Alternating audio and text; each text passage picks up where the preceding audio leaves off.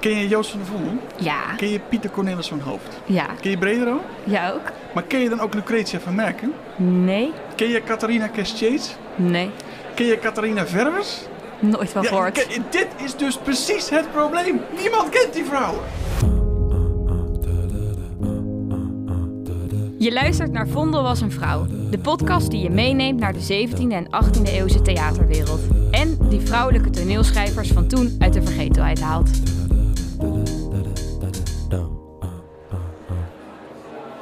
Hoi, ik ben Roos Hamelink van Goeie Oude Koeien en ik neem je in deze podcast mee de geschiedenis in. In Vondel was een vrouw leren we vrouwen die toneel schreven in de 17e en 18e eeuw wat beter kennen. Want die namen zoals Vondel en PC Hoofd, die kennen we inmiddels wel. En wat veel mensen niet weten, is dat er in die tijd door vrouwen of juist door vrouwen ook hele goede stukken geschreven werden. Ik ga daarover in gesprek met Imre Bussanger, artistiek leider van Theater Kwast. Welkom. Dankjewel. En een expert die alles weet van Margaretha van der Werken. Want dat is de vrouw waar het in deze aflevering allemaal om draait. Fijke Diets, welkom. Ah, dank je. En jij bent verbonden aan de Universiteit Utrecht als docent en onderzoeker vroegmoderne letterkunde. Ja. Wat vind jij nou het allerleukste aan het doen van onderzoek naar die periode? Als je naar die periode kijkt en naar teksten uit die periode, dan heb je een enorm rijk inkijkje in die hele wereld. We hebben nu allerlei soorten media, digitale media, televisie, film, noem maar op. Maar eigenlijk zijn de teksten in de brede zin van het woord, toneelteksten, gedichten, gelegenheidsteksten, dat zijn eigenlijk de media van de 17e en 18e eeuw. En geven dus een heel mooi inkijkje in waar mensen over dachten, waar ze mee bezig waren, hoe ze hun wereld probeerden te veranderen. Mooi, dus eigenlijk ja, om, ja, met toneelstukken probeer dan die wereld van toen wat beter te begrijpen. Ja, zeker. Ja. Ja, en die toneelstukken zijn een soort eh, reflectie op die wereld, maar proberen ook vaak echt iets in die wereld te veranderen, te bewerkstelligen. Mensen een spiegel voor te houden, te zeggen, oh, de wereld kan er misschien ook anders uitzien. En juist die wisselwerking, hoe teksten die wereld vormgeven, hoe de wereld die teksten vormgeeft, die vind ik heel spannend. Oké, interessant. En jij weet dus ook alles van eh Margaretha van der Werken, waar we het vandaag eh, over hebben. Ja, ja Margaretha van der Werken ehm, is ook wel eh Cambon, mevrouw de Cambon van der Werken. Margaretha Geertruida de Cambon van der Werken. Ja. Een heleboel namen Helemaal vol, eigenlijk, ja. eh, Ja. waaronder ze bekend stond. Van der Werken was eh, haar meisjesnaam, Ah. de Cambon was de naam van haar man, waaronder ze ook veel eh, publiceerde. Ehm, eh, ja, dus iemand met een lange naam en ook een heel lang oeuvre waar we vandaag veel over kunnen vertellen. Ja, maar nou ja, laten we dan vandaag hebben we het over Van der Werken of Cambon, wat je zei. Van Wat- de werken lijkt me prima. Oké. Ja, ik probeer Houden we het, eh, daarbij. consequent te doen. Ja. Nou ja, laten we Vondels vriendenboek erbij pakken. eh, want dat blijkt een fijne manier om die toneelschrijvers eh, te leren kennen. De naam kunnen we alvast aanpassen, dat is duidelijk. Krassen we bij deze door. Ja. hey Imra, ehm, wanneer leefde zij? Zij leeft in de tweede helft van de 18e eeuw. Ze is geboren in 1734 en uiteindelijk gestorven in 1796. Dus ze is zo'n 62 jaar oud geworden. Mooi rekensommetje. Ja, daar ben ik van. En waar kennen we haar van? Ehm, waar kennen we haar van? Zij schreef met name voor de Haagse Schouwburg. Schrijf ik eh, dan even specifiek over haar toneelwerk. Ze heeft ook eh, later andere dingen geschreven, maar voor haar toneelwerk kennen we haar eh, dat ze voor de Haagse Schouwburg schreef en ook veel Shakespeare-vertalingen. En dat is wel interessant, want Shakespeare werd eigenlijk helemaal nog niet zoveel gespeeld in Nederland. Voor, de, voor, de helft, voor, voor de eerste helft van de 18e eeuw. En zij ontdekte hem dat dat misschien hier ook aan zou slaan. Nou, het interessante is, ze ontdekte hem en ze paste ook aan wat ze er niet prettig in vond. Want het Nederlands publiek vond die Shakespeare-emoties eigenlijk te heftig, was het idee. Hè? Ja, best gedurfd om dat aan te passen. Nou, dat denk ik eigenlijk niet, want Shakespeare stond nog niet op het voetstuk waar hij later is komen te staan. Dus eh, waar je nu zou denken dat is heiligschennis, denk ik dat zij gewoon dacht, nou, leuke tekst, maak ik net even iets anders. En eh kenden zij Vondel? Van der Werken en Vondel kenden die elkaar? Nou, en Vondel was al dood toen Ja. zij geboren werd, dus dat niet. Maar zij kende Vondel natuurlijk wel. Vondel eh, is, voor, is gewoon heel lang het voorbeeld gebleven van hoe je in het Nederlands tragedies schrijft. En de, de, de smaak veranderde wel, maar er was wel zoiets van, hij stond wel op eenzame hoogte als die prins der poëten. En Fijke, ehm, in een vriendenboekje hoort ook een portret. Eh, hoe zag ze eruit? Van wat voor foto van haar eh, kunnen we er daarin plakken? Ja, we hebben een eh, portret van haar. We hebben een portret van haar gemaakt door uh, Hendrik Rozing. En dat is een portret waarop zij uh, schrijvend is afgebeeld. Dus echt expliciet als een schrijvende vrouw. Dus ik kijkt ook uh, serieus en, en statig. Een beetje, beetje streng, vind ik. Ja, ik heb een ja, nee, ja, ja, ja. ja, klopt. Een beetje streng uh, ja, de, de, de kijker aan. Um, en uh, ze is aan het schrijven. Je ziet haar, uh, ze heeft papier voor zich, uh, een, een, pen, inkt. En ze schrijft, als je heel goed naar het portret kijkt, schrijft ze op Clarissa. En dat is meteen een verwijzing naar een van haar werken, De Kleine Clarissa. Dat ja. was een roman voor meisjes. Um, en de, die titel van die roman die verwees weer naar um, een roman van Richardson. Samuel Richardson, de schrijver van uh, belangrijke uh, briefromans uit Engeland, waaronder ook Clarissa. Dus zo is dus, in zo'n portret ook weer allemaal verwijzingen. Ja, dus op die manier presenteert ze zich ook als een auteur, maar niet zomaar als een auteur, als iemand die eigenlijk in een belangrijke traditie staat van vernieuwende internationale literatuur. Dus dat zit eigenlijk allemaal in dat portret verweven. Ook eigenlijk die hele internationale kaders ja. waarin zij. Uh, Wel interessant dat je dat allemaal uit een portret eigenlijk al kan halen. Wat ja. wij gewoon als foto in het vriendenboek plakken. Ja, zeker, ja. maar hey, er, ja.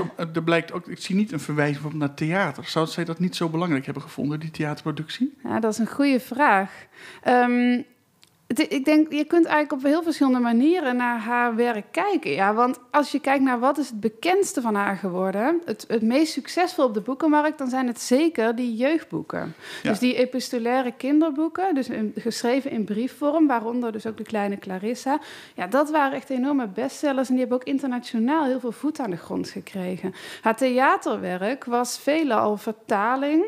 Um, ja, dus bij, vaak, dus inderdaad, zoals je al zei, Hamlet, maar dan ook weer via het Frans. Hè. Het ging via het Frans en dat bracht zij op de Haagse Schouwburg. Heeft op zich ook wel zeker succes gehad in die kringen, ook van die oranje gezinde mensen. Maar die, uh, die kinderboeken hadden wel, denk ik, een veel breder bereik. Dus haar, haar, zeg maar, haar identiteit als schrijver zal zij meer hebben opgehangen aan die kinderboeken dan aan dat theaterwerk? Ja, misschien ook afhankelijk van in welke kringen ze zich dan weer wilde positioneren. Ja, natuurlijk. Als je in het theater zelf rondloopt, ben je dan de toneelschrijver. Ja, ja, ja. ja. en, en uit wat voor gezin uh, kwam zij zelf, Imre? Ja, dat is wel interessant. Uh, heel vaak zijn kunstenaars zijn kinderen van predikanten. Dat is me al heel vaak opgevallen. Dat is tegenwoordig ook nog. Ja. En zij is dus ook de klopt. dochter van een remonstrantse predikant, mm -hmm. geboren in Gouda, zij. En ze groeit op in, uh, in Rotterdam. Um, alleen ze had wel een getroubleerde relatie uh, met haar vader, want hij was alcoholist en is uiteindelijk ook uit zijn ambt gezet. Dus uh, ja, maar het, het, wat ik wel wat uh, typisch blijft, wat ik zei over die predikanten. Je krijgt het idee, predikanten zijn natuurlijk sprekers in het openbaar. Zijn altijd met taal bezig, alsof dat uh, mensen die daar gevoelig voor zijn activeert. Dan gaan vaak later zelf schrijven of uh, ja. Ja, zo is zij dat toch wel vanuit haar familie of ja, vanuit haar vader ja. dan meegekregen. Als je goed ja. Nederlands wil leren, moet je 10.000 ja. keer de Statenbijbel lezen. Ja. en wanneer uh, debuteerde zij? Of ja, wat was dat voor? Ja, ze debuteerde toen ze 22 was en dat deed ze zeer ambitieus, namelijk met een epos. Ja. En de, een epos dat gold eigenlijk als het hoogste genre in die, in die tijd. Het was echt verbonden aan belangrijke, strenge, klassieke eisen. Dus het algemene idee was dat voordat je aan een epos waagde, als je dat ooit al durfde, dan moest je echt wel een uh, ervaren auteur zijn. Dus het was heel bijzonder om dat als vrouw te gaan doen. En dan ook nog eens als vrouw op 22-jarige leeftijd zonder eerder iets gepubliceerd te hebben. Dus dat geeft echt wel iets aan van hoe ze ja, toch echt wel zelfverzekerd was, zich durfde te laten zien. Um, dat epos ging over uh, Willem IV, die was, uh, was stadhouder. Um, en daar blijkt dus ook meteen al haar heel duidelijk oranje gezinde um, ja, uh, identiteit uit. Ze was uh, duidelijk aanhanger van de stadhoudelijke familie. En wat later in haar leven, ook toen die Oranjes ook steeds meer tegenover de patriotten kwamen te staan, toen, toen sprak ze zich ook duidelijk uit, ook in die strijd. Dus het is ook meteen een heel duidelijk politiek statement. Ja, want haar oeuvre is ook heel breed. Ja, uh, ja zeker. Ja, jullie noemden net ook al ja, verschillende soorten ja, werken. Zeker, die... ja. Dus inderdaad zo'n epos, hè, dat uh, duidelijk politiek geëngageerd is. Ze heeft uh, veel meer ook politieke werken geschreven, pamfletachtige bijdragen ook aan de politieke discussies. Uh, ze schreef bijvoorbeeld een van de eerste tijdschriften voor vrouwen. ze schreef dus kinderboeken. Ehm, ze schreef, eh, ehm, wat nog meer? Eh, ze, ja, ze schreef bijvoorbeeld ook teksten voor literaire genootschappen. Ze was ook eh, lid van een Haags genootschap, wat ook echt bijzonder was in die tijd. Dus ja, het was echt iemand met een breed oeuvre die ook meedeed aan het ja, het, eigenlijk het, het, literaire leven zoals dat ook door mannen werd vormgegeven. Wel dapper ook of zo. Ja, zeker. zo zelfverzekerd. Absoluut, dat is, ja. ja. Wel, uh, bijzonder. En ik hoorde net al een Haags genootschap. Volgens mij schreef zij ook zelf veel voor de Haagse Schouwburg. Ja. Uh, ja, Imro, hoe zat dat in die tijd met verschillende schouwburgen waar je dan voor kon schrijven? Nou ja, je had de Haagse Schouwburg inderdaad. Eh, in, in de 18e eeuw is daar het gezelschap van een beroemde acteur Korver is daar uh, aan, aan de gang. Um, en je hebt in Leiden heb je dan nog een schouwburg. En in Rotterdam heb je een schouwburg. En je hebt, ja, kijk, het West End Broadway van de 17e, of 17e en 18e eeuw is gewoon de Amsterdamse stad Schouwburg. Als je daar op de planken staat, dan ben je gearriveerd. En de rest zijn toch een beetje satelliet mm -hmm. schouwburgen daarvan. Maar het is wel, haar werk is uiteindelijk ook gespeeld in die Amsterdamse schouwburg. Uh, ook omdat die gezelschappen, die lenen allemaal acteurs aan elkaar uit. Dat zijn vaak oh, rondreizende, er ging bijna een fles water om hier. Dat zijn rondreizende gezelschappen. Um, dus uh, die nemen ook repertoire mee. Uh, dus daarom is het ook niet zo gek dat iets wat in Den Haag op de planken staat, dat het uiteindelijk ook in Amsterdam op de planken terecht kan komen. Ja, gaat zo'n korver bijvoorbeeld, haalt hij dan ook uit verschillende schouwburgen? Ja, en die gaat ja. ook met zijn gezelschap, die, die, die gaat ook nog wel spelen in de Amsterdamse schouwburg. Ja. Hij staat op een gegeven moment, is het een van de grootste acteurs van dat moment. Um, dus die neemt ook zijn clubje weer mee en dan ook zijn repertoire mee naar een andere, andere plek. En dan heb je natuurlijk ook nog, kijk, ze speelde in die schouwburgen, maar ze speelde ook buiten het seizoen uh, in tenten, op uh, plankieren, op kermissen en weet ik allemaal niet. Bijvoorbeeld in Haarlem, met de Haarlemmerhout werd een grote tent neergezet. Dus er waren meer opties om te spelen. En de zomermaanden ging het dan vaak de kermis af. Ja, en zo denk ik dat ook heel veel verschillende soorten mensen dan zo in aanraking kwamen met die werken. Ja. Denk, ja, ja. Daarover heb ik wel een uh, leuke vraag binnengekomen. Want we hebben verschillende, ja, toch wel bekende mensen gevraagd uh, om een vraag in te sturen. Laten we er even naar luisteren. Twee geweldige mensen uh, die zich net als wij in deze podcast ook veel bezighouden met vrouwen in de geschiedenis. Dus luister maar. Hoi, ik ben Agnes Kremers. En ik ben Mark Bergsma. Wij zijn de oprichters van F-Site, een platform over vrouwen in de geschiedenis. Ik vroeg me af hoe er over vrouwelijke theatermakers werd geschreven in hun eigen tijd. Ja, en ik vroeg me af hoe er later over hen werd geschreven, als er überhaupt al over hen werd geschreven. Ja, dus uh, Fijke, laten we beginnen met hoe dat werk van Van der Werken uh, werd ontvangen in haar eigen tijd. Ja, ja nou, dan kun je eigenlijk naar verschillende type bronnen kijken. Eén bron die ik zelf heel interessant vind, waar ik nu ook onderzoek naar aan het doen ben, zijn uh, teksten die voorafgaan aan het eigenlijke werken. Dus voorredes, lofdichten, waarin anderen vaak over dit werk schrijven. En het is natuurlijk de bedoeling dat je dan positief over dat werk schrijft. Dus het is niet een neutraal oordeel, maar het is wel interessant te zien, wat zeggen mensen dan specifiek? Hè? En als je dan kijkt naar dat epos, waar uh, Van der Werken mee debuteerde, wat, uh, daar, daar zijn dus veel lofdichten van mannen aan vooraf. En die zeggen dan eigenlijk allemaal, dit is een heel mannelijke vrouw. En dit is een heel mannelijke tekst die je geschreven oh, ja, wordt. Hè? Ja, gaan we ja, weer. ja. ja, ja. ja, want het is maar is dat dan een compliment of ja, niet? Nou ja, eigenlijk wel. Ja. Hè, maar het is natuurlijk wel een soort dubieus soort compliment. En er zit een Ja. idee achter, want er, is, er zijn bepaalde eigenschappen, bepaalde teksten, bepaalde eh, ja, literaire omgevingen. En die passen bij mannen en bij vrouwen. En die wereld van dat epos, dat hoogstaande epos, dat gold dus echt eigenlijk als een mannelijke wereld. En, maar zij wordt zeker geëerd, want er wordt gezegd dat ze dus heel goed is, dat ze dat zelfs kan overtreffen. Er wordt ook eh, gezegd dat ze een beetje vermetel is. Hè? Een beetje brutaal dat ze zich daar eigenlijk tussen durft te zetten. Ja, Dus dat past ook wel bij dat eh, zelfverzekerde wat ze dan Ja, heeft. ja, zeker. Ja. Maar ze kreeg ook wel kritiek, toch? Eh, ja, zeker. Ja, want het feit dat je je natuurlijk op mannelijk terrein gaat begeven, Ja. dat kan natuurlijk ook niet elke man eh, bekoren. Dus toen zij zich waagde aan die Hamlet, eh, die, waar Imre net al over vertelde, toen werd ook in de vaderlandse letteroefeningen, de, eh, de tijdschrift waarin dan eh, nieuwe werken werden gerecenseerd en besproken, werd geschreven dat het eigenlijk slecht was dat een vrouw zich hieraan waagde. Een vrouw moest naar zachter tonelen grijpen. Hè, dus Nou, dat, wat gezachter. zachter tonelen. Tonelen. Mijn hemel, ja. ja, ja. En, eh, maar zij liet het daar natuurlijk niet bij zitten. Dus zij gaf een herdruk uit van diezelfde tekst. En toen schreef zij daarin dat het onzin was dat de vrouwelijke pen minder was dan de mannelijke pen. Dus dat zij dit daarom deed en ook nog maar eens een keertje herdrukte. Ja, dus komt het wel was weer, wel echt heel een pittige, Go, pittig go, dametje. Ja. heel Ja. goed. Ja, zeker. Ja, en eh, ik ben wel benieuwd. ehm, ja, het is dus echt zo'n mannenwereld. Eh, maar of er dan ook echt verschil was tussen dan die stukken van mannen en vrouwen. En Imre, jij voert zelf met jouw gezelschap veel eh, nou ja, stukken op.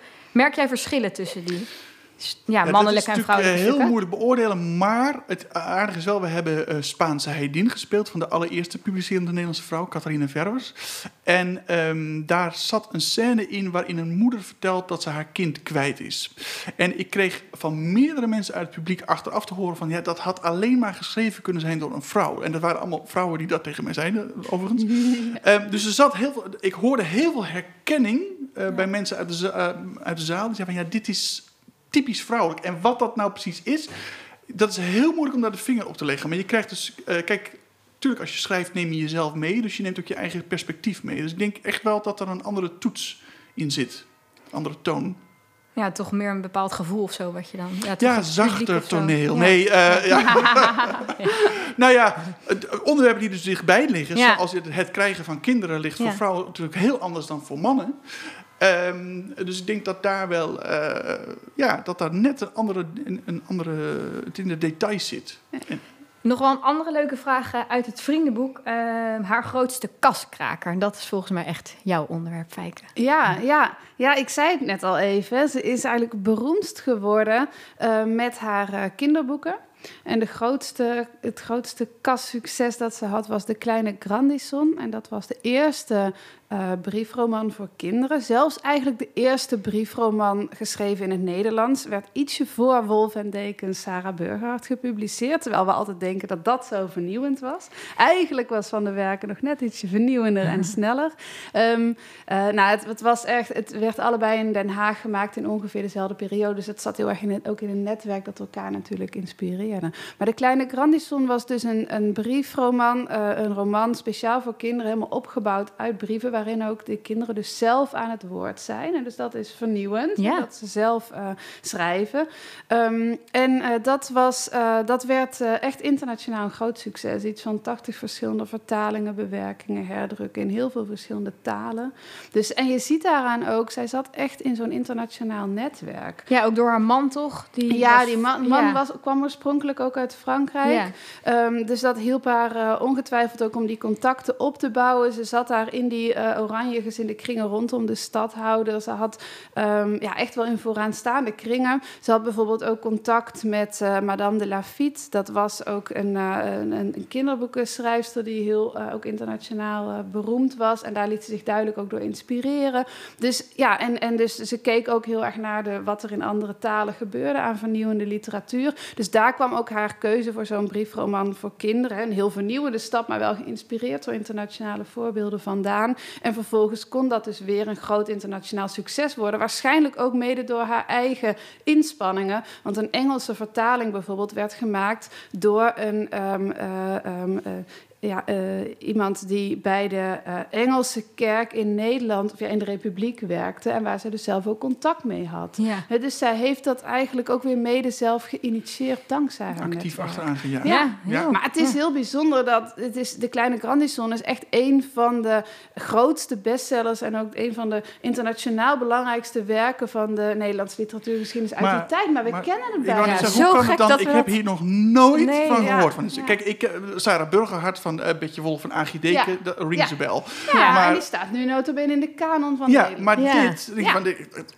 helemaal nieuw. Ja, Dus dat vind ik dan wel voorbij. Hoe kan het, wat, wat denk je dat de reden is dat dit vergeten is en Sarah Ja, ja. niet? Ja, het is denk ik echt een, eh, een combinatie van factoren. Ja, ik denk wel een belangrijk eh, aspect Is het een dat leuk boek? Heb je het gelezen? is. Of is het Ja, echt... ja, ik heb het heel goed gelezen. Ja. Ik heb er veel onderzoek naar gedaan. Ja, het is een, ehm, ja, het is een, een boek dat super interessant is, maar vanuit hedendaagse standaarden natuurlijk hopeloos moraliserend. Dus het Ja. is heel interessant, maar Ja, nee, het is moeilijk om het nu, Ja. nu Ja. eerst wil het niet, nu Oh, ja. aan kinderen voorleggen. Maar een Dus soort hertaling lastig. ervan of zo. hè? Ja, Ik pleit voor een nieuwe, ja nieuwe zeker. Zou je het ook echt Ja. moeten aanpassen, een beetje. Ja. Ja. Maar ik denk, het feit dat het voor kinderen is geschreven... is hier wel een heel lastig aspect. We Mm. hebben heel lang gedacht van... ja, kinderliteratuur dat is toch een beetje minderwaardig. Daar hield eigenlijk niet echt een, ja, iemand zich mee bezig. Ehm, heel Oh, intensief. Interessant, ehm, ja. Je merkt in de theater zie je dat ook. Dat uh, volwassenentheater en kindertheater. ja. Zit ook nog steeds een discrepantie tussen dat kindertheater toch niet zo serieus wordt genomen. Terwijl Nee. goed kindertheater is het moeilijkste om te maken Ja, wat het is. zeker. Ja, Oh, ja. interessant. Dus daar, Ja. dat speelt Ja. zeker mee. Ik denk verder ook wel dat natuurlijk... ehm, eh, ja, sowieso het werk van vrouwen, ook uit, die, eh, eh, uit de 18e eeuw... Ja, Wolf en Deken zijn eigenlijk toch een soort uitzondering. Hè? De rest Hmm. kennen we veel minder goed. Een van de moeilijkheden, denk ik, ook bij haar... is dat ze dus best wel wat heeft vertaald. Hè? Dus die toneelstukken zijn Ja. veelal vertaald. Vertalingen nemen we ook wat minder serieus... want ja, dat was niet zo origineel. Dat kan bij de Kleine Grandison trouwens ook meespelen... want er is toch vaak het idee dat dat waarschijnlijk gewoon een vertaling is van Richardson's Grandison. Ja. Maar dat is dus helemaal niet Dus zo. Nee. originaliteit. Wij hechten veel meer aan originaliteit. Ja. Dus, en dat is een... een, een oh ja, oké. Ja, Nou ja, we hebben het nu wel deze over haar werk. Ik wil wel even een stukje van haar werk horen. Laten we daarmee afsluiten. Laten we Imre, afsluiten. Even wat theater Even erin. wat theater. ja. Nee, eh Oedipus aan het hof van Admetus. Oedipus aan het hof, Ja. ja. dat is het stuk wat wij gaan spelen. Dat is Ja. dus niet haar populairste werk. wa- Want Nee. dat wat inderdaad Shakespeare... Als je kijkt naar Shakespeare-vertalingen... zijn tot echt het drie keer... In de Amsterdamse stad Schouwburg zie je nog aan het einde van de 19e eeuw... die gespeeld worden. Dit niet. En daarom heb ik hier natuurlijk eens uitgepakt. Ehm, Daar gaan we. en daar gaan we. Ik heb een mooi zinnetje eruit eh, uitgelicht uit dit stuk. Het is een vertaling van een Frans stuk, zeg ik er maar meteen bij. Maar ze heeft er wel haar eigen draai aangegeven. En zij schrijft in het stuk...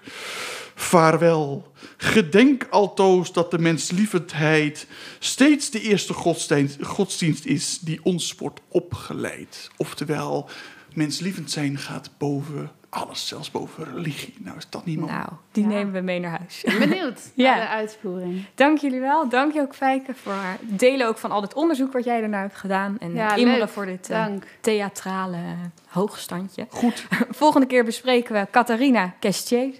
En eh, ik kijk er naar uit. Doei! De podcast Vondel was een vrouw is een productie van Goeie Oude Koeien in opdracht van Theater Kwast. De podcast kwam tot stand met steun van het Cultuurstimuleringsfonds Haarlem, de Gravin van Bieland Stichting, de JC Ruigrok Stichting en het Prins Bernhard Cultuurfonds Noord-Holland. Veel dank aan Imre Bussanger en aan alle experts die ons meenamen naar vroeger. Wil jij een van de voorstellingen van Kwast bijwonen? Ga dan naar theaterkwast.nl voor het programma.